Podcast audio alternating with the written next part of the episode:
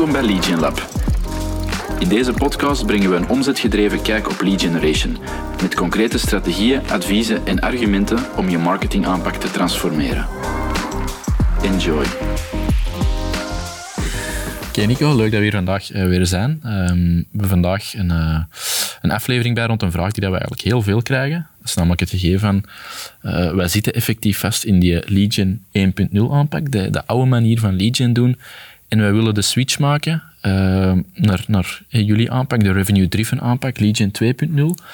Uh, wat hebben wij daar juist voor nodig? Hoe kunnen we er vlot mee doorstarten? Uh, en hoe kunnen we er een succes van maken? Maar misschien om de intro degelijk te maken en dat iedereen mee is, misschien je even kunt toelichten met wat houdt dat nu juist in, Legion 1.0 en wat is Legion 2.0 of RevGen? Oké. Okay. Um, waar gaan we beginnen? 1.0. Um, ik denk de, de, de manier hoe dat we... Om te starten, wij werken vooral, wij, wij komen vooral in contact met bedrijven die uh, innovators zijn of die met een hoge mate van expertise producten of services zitten. Ja. Dat is wel even heel belangrijk om mee te geven. Uh, en wat men tot vandaag veelal doet, de, wat wij noemen de 1.0 aanpak, is uh, zeer transactionele of zeer korte termijn initiatieven doen om leads te genereren. Bijvoorbeeld, wij doen Google Ads op de termen die voor ons belangrijk zijn, voor ons product of onze service. Wij brengen mensen naar onze website en wij verwachten uh, mensen die contactaanvraag doen. Eén. Iets geavanceerder is al we werken uh, whitepapers uit, e-books uit. We gaan die via LinkedIn naar de juiste mensen pushen en we gaan daar via uh, lead formulieren uh, contactgegevens capteren. Ja. En in een van die twee mandjes valt vaak de 1.0 aanpak. Hè. Dus we proberen contactgegevens te genereren via Google Ads op serviceniveau of dienstniveau, productniveau, of we gaan dat via social doen, via e-books om gegevens te capteren. Zeer korte termijn, zeer snel testbaar, zeer snel meetbaar. Ja, en misschien nog even aanvullend. Uh, wordt afgerekend dan op CPL heel vaak. Dat is zo de, het eindstation, dus kost per lead, hoeveel dat zo'n ja. e-book downloader of een contact ons heeft gekost. Uh, wordt vaak allemaal op een hoop gesmeten en daar wordt dan gewoon door het sales team op gebeld. Dus zo, die CPL als, uh, als metric en als gevolg van ja, bellen op mensen die dan misschien niet 100% koopklaar zijn, ook lage winratio's zien we er ook vaak. Mm. Een procent of minder denk ik dat we er um, tegenkomen. Ja. Um, dus dat zijn zo de, de, de eigenschappen van die 1.0 aanpak. De vraag is dan natuurlijk, waarom werkt dat niet meer, 1.0? En waarom moeten we nog een, een, een tweede variant of een, of een nieuwe visie op hoe dat we lead generatiecampagnes doen? Um, we hebben er verschillende ideeën over. Ik denk de, denk de meest uh, algemene of de meest uh, uh, accurate in veel sectoren is het feit dat over de afgelopen vijf jaar de aanwezigheid van merken digitaal matuurder is geworden. dus de meeste merken zitten allemaal wel met, zijn met Google Ads bezig. De meeste merken zijn heel actief of zijn toch wel wat actiever op social. Uh, de meeste merken hebben een goede website waar ze alle basisinformatie delen. Dus het speelveld is zeer um, ja, gelijk geworden en het is vaak heel moeilijk nu om vanuit een B2B-beslisser of vanuit een particuliere uh, uh, persoon naar de website te gaan via een campagne en dan vrij snel aan te voelen of dat, die, dat, dat bedrijf nu juist een match zou zijn. Dus het wordt moeilijker aan de persoon aan de overkant om een goede inschatting te maken. Welke partij is nu voor mij de beste optie? Want ze zien er allemaal goed uit. Ze hebben allemaal campagnes lopen, ze zijn allemaal zichtbaar. Maar hoe kan ik daar nu uh, het juiste gevoel creëren bij de juiste partij? Dus ik denk vanuit die uh, ja, constatatie of uh, situatie hebben we gemerkt dat we op een andere manier naar lead generatie moeten kijken. Ja. En dat we dus meer naar wat wij dan noemen de 2.0 versie moeten gaan. En niet alleen naar kost per lead gaan kijken, maar echt gaan kijken hoeveel omzet brengen we en vanuit welke initiatieven kom, komt die omzet. En dan zie je vaak, als je niet naar kost per gaat kijken, dat je naar initiatieven gaat die misschien niet uh, de scherpste kost per hebben, maar die wel de beste uh, kost per uh, gerealiseerde verkoop hebben. En dat is eigenlijk de, de manier we straks een paar voorbeelden van laten zien en vooral tips delen over wat je nodig hebt voor die, die 2.0-versie. Maar het draait vooral over, laat de goedkope kost per lead kosten, hè, laat die echt wegen, maar doe initiatieven die op een uh, correcte manier potentiële kopers gaan overtuigen van uw positionering, van uw verhaal en van uw toegevoegde waarde voor dat merk. Dus dan gaan we wegstappen van uh, e-books uh, uitspelen en contactgegevens verzamelen. Maar dan gaan we eerder gedrag tonen om mensen in essentie te overtuigen van onze kennis, van onze ervaring en vooral van onze relevantie voor hun. Misschien zelfs al vooraleer ze maar één zoekopdracht in Google doen. Dus daarvoor eigenlijk begint het werk al. En het is daar, door daar heel eh, obsessief mee bezig te zijn, dat we merken dat je het verschil maakt, dat je een, een sprong vooruit hebt tegenover de meeste spelers. En dat je al een positieve connotatie, associatie opbouwt bij mensen die mogelijk klant zouden kunnen worden. Dat is eigenlijk het, het concept, het idee van 2.0. Ja, want in dat speelveld van eh, Google Ads, zoals dat je er zei, voor een bepaalde term bieden, dat is heel democratisch geworden. Je kunt er perfect vier spelers naast elkaar hebben staan, eh, uw organisatie en ook drie concurrenten. Als iemand vooraf geen positieve associaties heeft, dan zijn dat vier dezelfde of vier gelijkwaardige opties.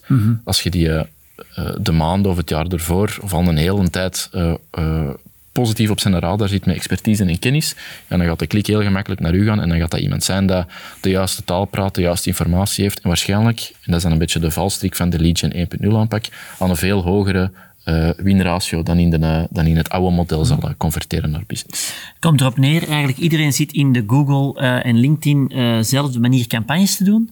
En wij proberen na te denken, hoe kunnen we daar de markt weer al een stap voor zijn en ervoor zorgen dat we, voor dat, eigenlijk is dat ik de essentie, voor, voor alleen dat iemand één zoekopdracht doet in Google, willen wij als merk al op de radar zitten. Daar komt het eigenlijk op neer. En dat is voor ons Legion 2.0. Minder transactioneel, eerder op inhoud en op, op toegevoegde waarde. Proberen klanten mee te brengen of mee te trekken in dat verhaal. En op die manier het verschil te maken. En Daar komt het eigenlijk Exact. op neer. Ehm, natuurlijk, 2.0, eh er zijn wel wat vereisten eh, nodig. En ik, ik zat nu gisteren toevallig nog bij eh, een klant, of een bedrijf dat, echt wel struggelt met Legion. En zij gaven ook wel aan van, ja, kijk, wij, hebben altijd Google Ads gedaan.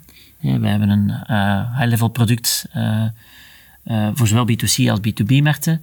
Maar wij zien dat die aantal leads stelselmatig naar beneden gaan. En vaak is dat niet het probleem van het agentschap. Hè. Vaak is dat totaal, die campagnes staan technisch gezien goed. Hebben goede posities en ze gaan naar de juiste pagina's. Maar het gaat gewoon over het feit, de markt wordt competitiever, de markt wordt professioneler. Ja, en dan is het heel moeilijk om daar nog uit te springen, enkel via die tactiek. Ja.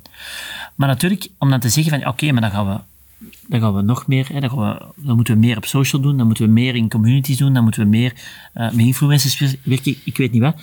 Eh, ja, dat is natuurlijk niet de oplossing. Hè. Er zijn een paar, laten we zeggen, eh common eh, ehm, eh, zaken die je nodig hebt, een zestal elementen die je nodig hebt om die een aanpak, die een 2.0-visie, te laten slagen. Hè.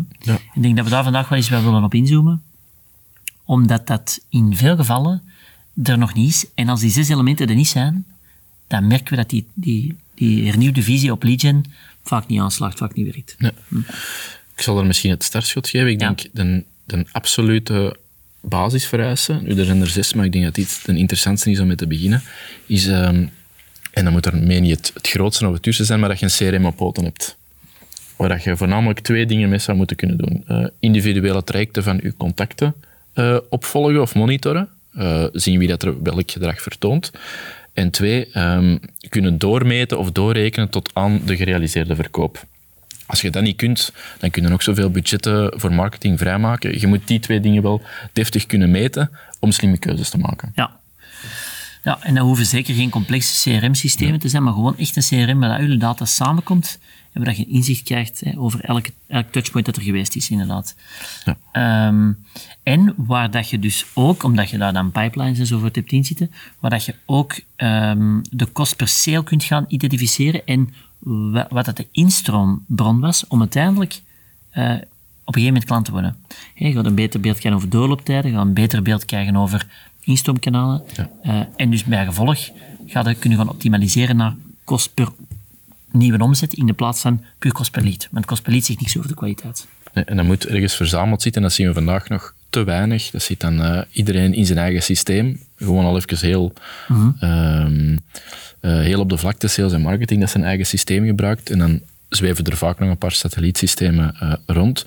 Ja, daar moeten we wel een klein beetje vanaf. Iedereen moet naar die single source of truth, waarin dat met eh, de juiste afspraken en de juiste processen iedereen naar dezelfde ehm, metrics of, of, of onderdelen kijkt. Ehm, als je dat niet hebt, dan is het heel moeilijk om, om die te gaan uitrollen en dat voor iedereen inzichtelijk te maken, meetbaar uh, uh, ja, en, behapbaar te houden. Mhm. Ehm, dus dat, dat systeem moest je dat vandaag nog niet hebben. En we zien wel dat die mindset er meer en meer komt van ja, dat is eigenlijk wel nuttig hè, dat we, dat, dat we zo'n systeem in place zouden hebben. Um, ja, dan moet je daar wel werk van uh, beginnen maken. En zoals ik in het begin er en ik ook zei, dat moet niet het meest complexe of, of, uh, of dure systeem zijn. Uh, maar je hebt wel in ieder geval die uitvalsbasis nodig om, om die Legion 2.0 ja. van te kunnen laten vertrekken. En dan kun je initiatieven eigenlijk afzetten op welke omzet heb je gegenereerd en misschien zelfs nog een stap verder, maar dat, dat daar moeten we misschien eens een andere aflevering over doen, over deelsnelheid. Ja, dus in, in hoeverre um, verhoogt onze deelsnelheid ja. als we bijvoorbeeld bepaalde initiatieven lanceren, maar daar zullen we misschien een andere aflevering eens op inzoomen, maar gewoon het idee van een CRM te hebben en op omzet te evalueren is gewoon super cruciaal. Ehm, misschien een tweede punt. Uh, eigenlijk hebben we de vorige aflevering wel op ingezoomd, maar toch wel belangrijk om aan te halen, buy-in. Mm uh, want maar, je mag dat niet onderschatten. Als je van de traditionele manier, wat wij voor de gemakkelijkheid 1.0 noemen, naar 2.0 gaat, waar dat er meer expertise en meer informatiefocus is richting klanten, dan gaan we wel één ding moeten loslaten. En dat zijn de, de tastbare contacten die worden gegenereerd op korte termijn. En dat is wel super belangrijk. Dat moet echt wel de organisatie mee hebben, want anders merken we dat na twee, drie maanden, à la limiet zes maanden, die aanpak volledig uh, terughervalt naar de oude methode, omdat men de angst en de tastbaarheid angst heeft enerzijds en anderzijds de testbaarheid verliest van contacten te genereren. Dus buy-in van management, sales teams, ook heel belangrijk, uh, en het volledig marketingteam is essentieel. Anders uh, heeft dat geen kans tot slagen. Nee, inderdaad. Ze moeten weten, um, de input gaat anders zijn, dus een output ga ik veranderen. De, of een output liever. Uh, dus de grote volumes om op te werken, ja, dat is in, dat is in de Legion 1 aanpak, of de Legion 1.0 aanpak. dus die gaat in de, in de nieuwe uh, RevGen aanpak niet hebben.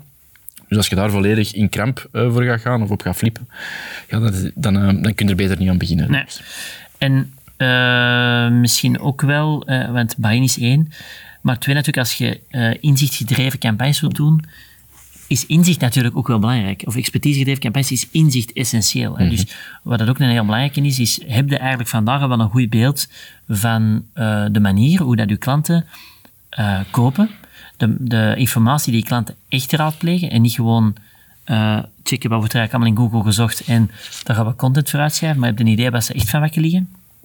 Dat is ook belangrijk. Anders kun je dat niet doen. Anders gaat er, gaat er een aanpak uh, expertise content uitwerken die niet gaat resoneren omdat je niet goed genoeg begrijpt waar dat u type klant van wakker ligt. Dus een, een, structurele manier om inzichten te creëren, en dat kan soms heel gemakkelijk zijn, social actief zijn, daarop reageren, eh, met klanten bellen, met klanten praten. Zeer eenvoudig, maar bij de meeste teams, en daar heb ik al eens afleveringen op, kort op ingezoomd, bij de meeste teams is dat niet aan boord, hè, wordt dat niet gedaan. Uh, probeer ze vaak zo ver mogelijk weg te blijven van klantgesprekken. Uh, maar dat is wel nodig om die 2.0 aanpak of visie te laten slagen, überhaupt. Ja, dat is op twee niveaus. Hè. Dus je hebt die feedback loops nodig mhm. terwijl dat je bezig bent in je traject. Maar ik denk bij de start, als je dat deftig in Google krijgen, dat je ook die ik weet niet meer wat hebben we gezegd, 10 à 50 klantenbevragingen uh, moet doen bij de start. Om echt te weten waar liggen ze van wakker, wat zijn hun bekommernissen, welke informatie nodig hebben ze, waar brengen ze tijd door, waar zit de aandacht. Um, ja, die informatie heb je wel nodig bij de start om je concept goed vorm te kunnen geven. En dan vanaf dat gaan het rollen, zij uiteraard ongoing. Die feedback loops moeten continu um, input en feedback en signalen proberen op te vangen, uh, zodat je je strategie verder kunt aanscherpen. Want een 2.0 aanpak is zeker ook niet iets, een statisch gegeven. Um, dat formuleerde, daar starten mee. Maar het is door die uh, continue feedback te verzamelen dat je verder gaat aanscherpen, slimmer gaat worden, beter gaat worden en je aanpak uh, ja, scherper gaat zetten of verder gaat fine-tunen. dus daar moet ook wel voor openstaan. Het is niet iets dat je instelt of opzet en dat dan uh, volgens de set-and-forget mentaliteit dat dat blijft lopen. Uh, het is wel het idee om de vinger aan de pols te blijven houden. Mm. Um, en dat is ook een beetje, uh, daar is een mindset van nodig natuurlijk. Hè.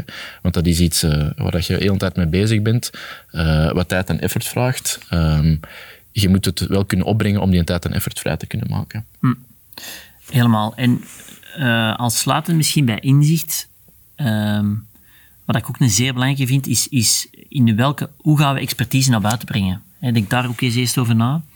Wie gaan we binnen de organisatie of extern, hè, wie gaan we kunnen inzetten om de expertise die wij hebben, die belangrijk is voor klanten of potentiële klanten, hoe gaan we dat communiceren en via wie of via welke organisaties?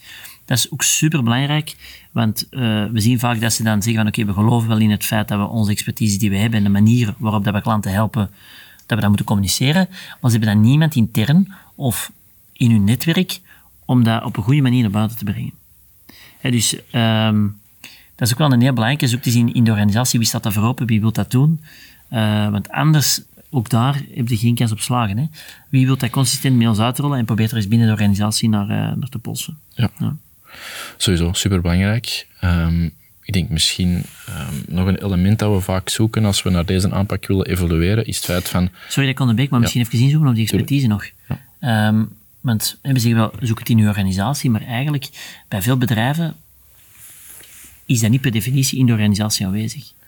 Want dat kan soms zijn door met andere experten samen te zitten, um, dat je wel je expertise naar buiten kunt krijgen. Ik, ik ben maar aan het denken, we hebben wel wat cases gehad al, met, ook met grote corporates, waar ze zeggen van eigenlijk hebben wij intern niet direct de resources om vanuit onze expertise iemand uh, continu content te laten uh, brengen. We kunnen dat niet, niet vrijmaken, of die persoon daar niet voor vrijmaken. Voilà, of dat is uh, operationeel dat echt niet haalbaar zijn. Maar het kan wel bijvoorbeeld zijn van, oké, okay, maar wie zijn er in die space relevant in, in uw topic, in uw industrie, in uw categorie, zijn er relevant en hoe kunnen we samen met hen een, een contentconcept opzetten, een, een podcastreeks, een videoreeks, waar we over het, het, domein waar wij in gespecialiseerd zijn, uh, een gesprek over aangaan. En dat hoeft dan niet altijd met de, de grote expert te zijn binnen uw eigen organisatie, maar dat kan ook zijn met mensen die like-minded zijn en die over dat domein ook wel uh, interessante dingen te vertellen hebben en waar dat je op die manier in dialoog aan gaat. Waar je natuurlijk wel de valkuil moet vermijden dat het, hè, dat het, ja. dat het verhaal vaak gaat over de persoon aan de andere kant. Ik denk dat je je eigen expertise moet voldoende afvloeien. Want dat is wel de valkuil dat we soms zien. Is dat dan zeggen, oké, we willen die expertgedreven contentcreatie willen we gaan opstarten. We hebben niet de resources intern. Maar we hebben wel een heel interessant netwerk over mensen die daar uh, samen met heel veel interessante dingen rond doen. Dus we gaan die mensen gebruiken in de contentcreatie. Maar vaak komt er dan weinig de, point of view van de organisatie stroom, of, of, straalt daar te weinig vanaf. Hè. Dus dat is wel een valkuil, moet ik zeggen. Ja. Uh, als, je het, uh, als je intern niet de resources zou kunnen ja, gebruiken. Het is, goed dat je, het is goed dat je me onderbreekt en dat je voor de volledigheid meegeeft. Uh, maar ik denk inderdaad, de, de, de bekommernis dat je hebt, klopt ook wel. Het is eerder een, een veilige fallback voor als je intern niet iemand vindt die dat, dat op zich wilt nemen, die dat je mantel wilt, mm -hmm. wilt gaan dragen. Um, dat is wel altijd nog het, het meest ideaal, dat iemand is dat dag in dag uit voor je organisatie werkt en, en die effectief de tijd uh, ervoor kan vrijmaken om die expertise ervoor uit te dragen, volledig door enthousiasme gedreven voor, voor zijn vak. Um, moest dat er niet zijn of je kunt die persoon niet vrijmaken in die hoedanigheid, dan is een veilige fallback, laat ons dat misschien dan het, het, het co-creatie-interview uh, concept noemen, um, met dan de valkuil wel, ja, zie dat de spotlight zeker niet altijd op de andere persoon zit. Het is nog altijd wel de bedoeling om, om, om zelf daar ook goed uit te komen en zelf uw point of view over te brengen. Mm -hmm. Als dat gewoon een interviewformat uh, wordt, waarin dat er heel passief uh, ja, vragen worden opgelopt die dat de andere partij kan beantwoorden, dan zijn we uh, ja, eerder de andere partij um, aan het opschroeven of, of aan het ophemelen. Um, dus dat moet wel... Allee, dat is iets waar je daar wel heel aandachtig voor moet zijn, dat dat een, een, een evenwichtsoefening mm. blijft. Dat, je, dat uw point of view er ook genoeg uitkomt. Ja, dat is uiteindelijk... En vaak hebben ze die expertises wel, maar is er toch eerst een riem om dat te, brengen op een of andere manier. dan is dat inderdaad een goede optie. Mm. Uh, een volgend punt, verwachtingen.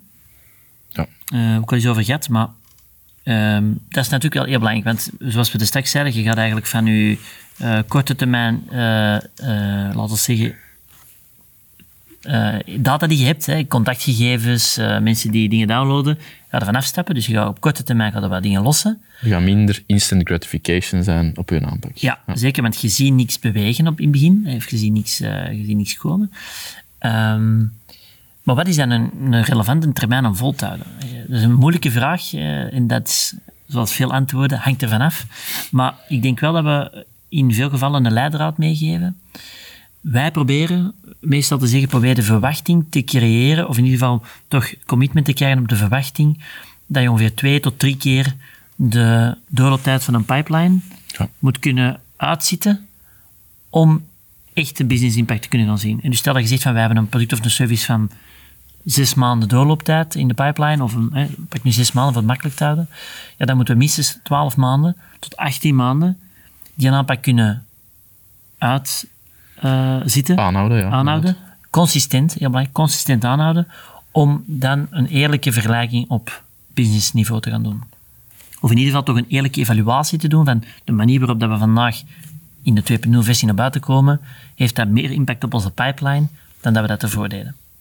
Dus dat is wel een heel belangrijke. En ik denk twee tot drie keer, in de meeste gevallen komen we daar wel heel dichtbij. Hebben we nu gemerkt. Dus twee tot drie keer is denk ik een goede leidraad om mee te pakken, om de verwachting juist te schetsen.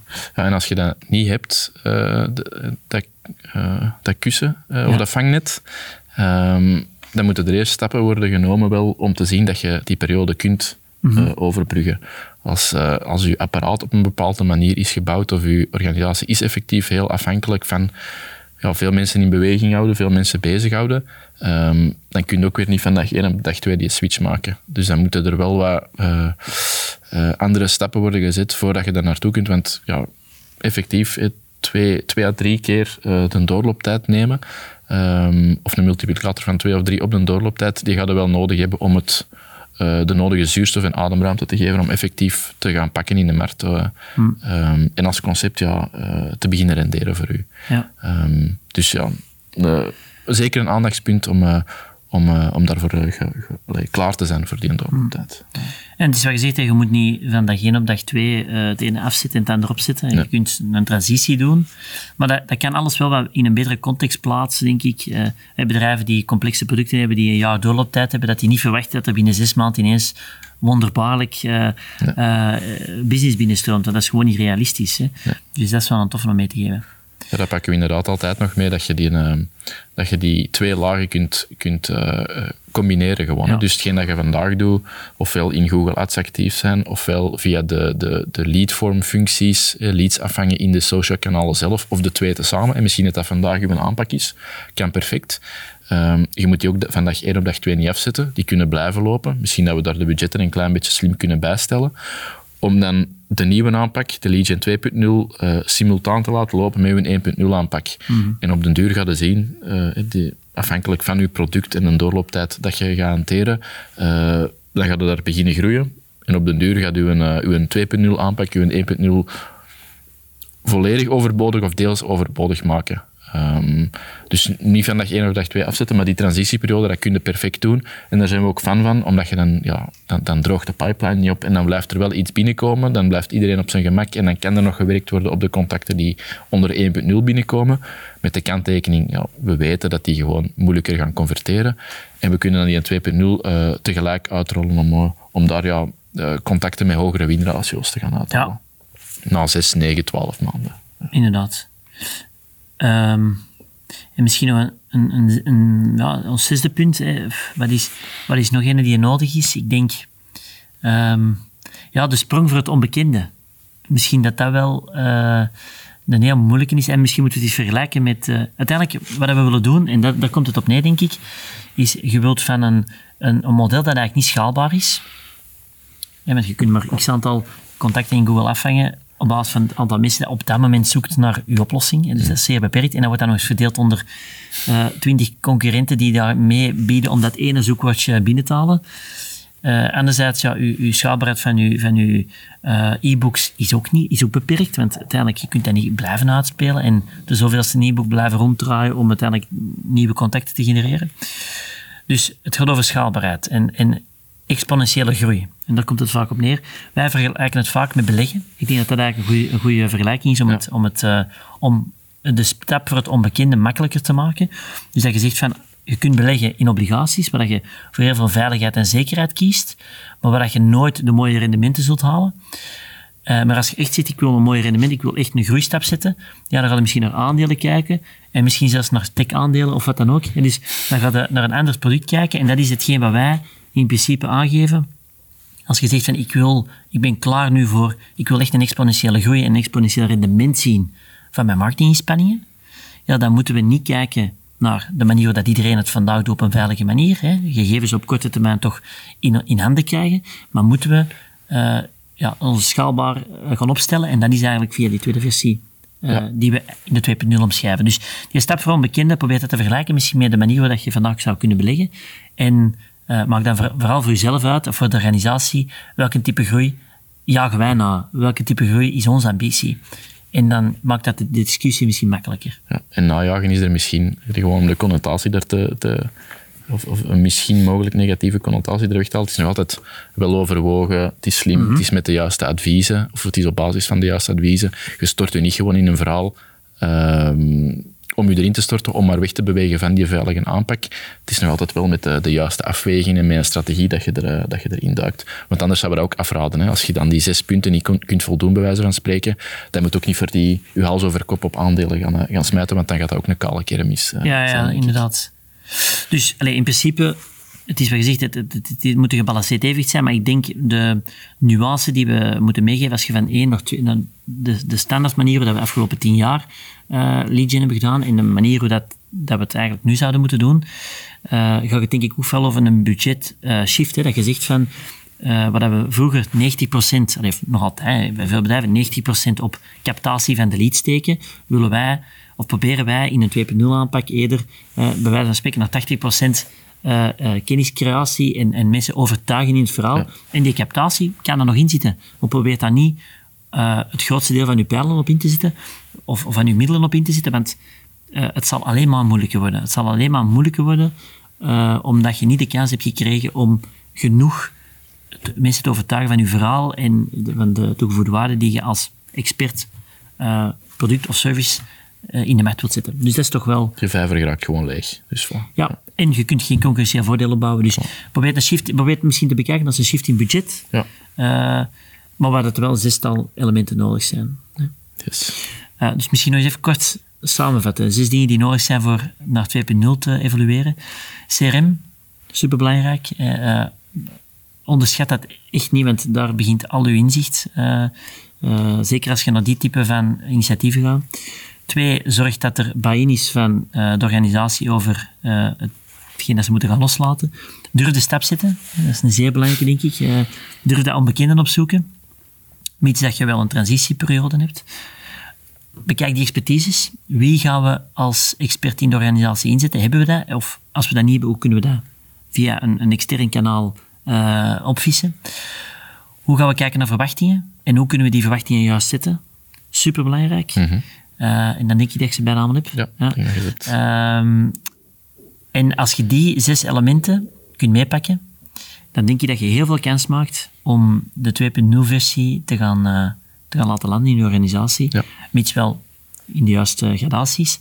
Uh, maar dan hadden we wel structureel exponentiële groei kunnen kennen. Uh, en dan gaat dat aan een ander resultaat kunnen halen, ja. natuurlijk. Moesten er nog mensen zijn die daar vragen over hebben, over een van die zes uh, aandachtspunten.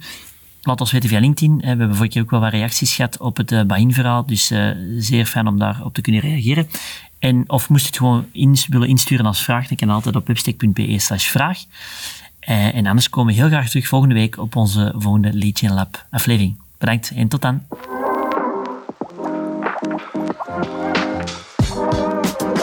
Ik wil toch even de tijd nemen om te bedanken om te luisteren naar de Gen Lab.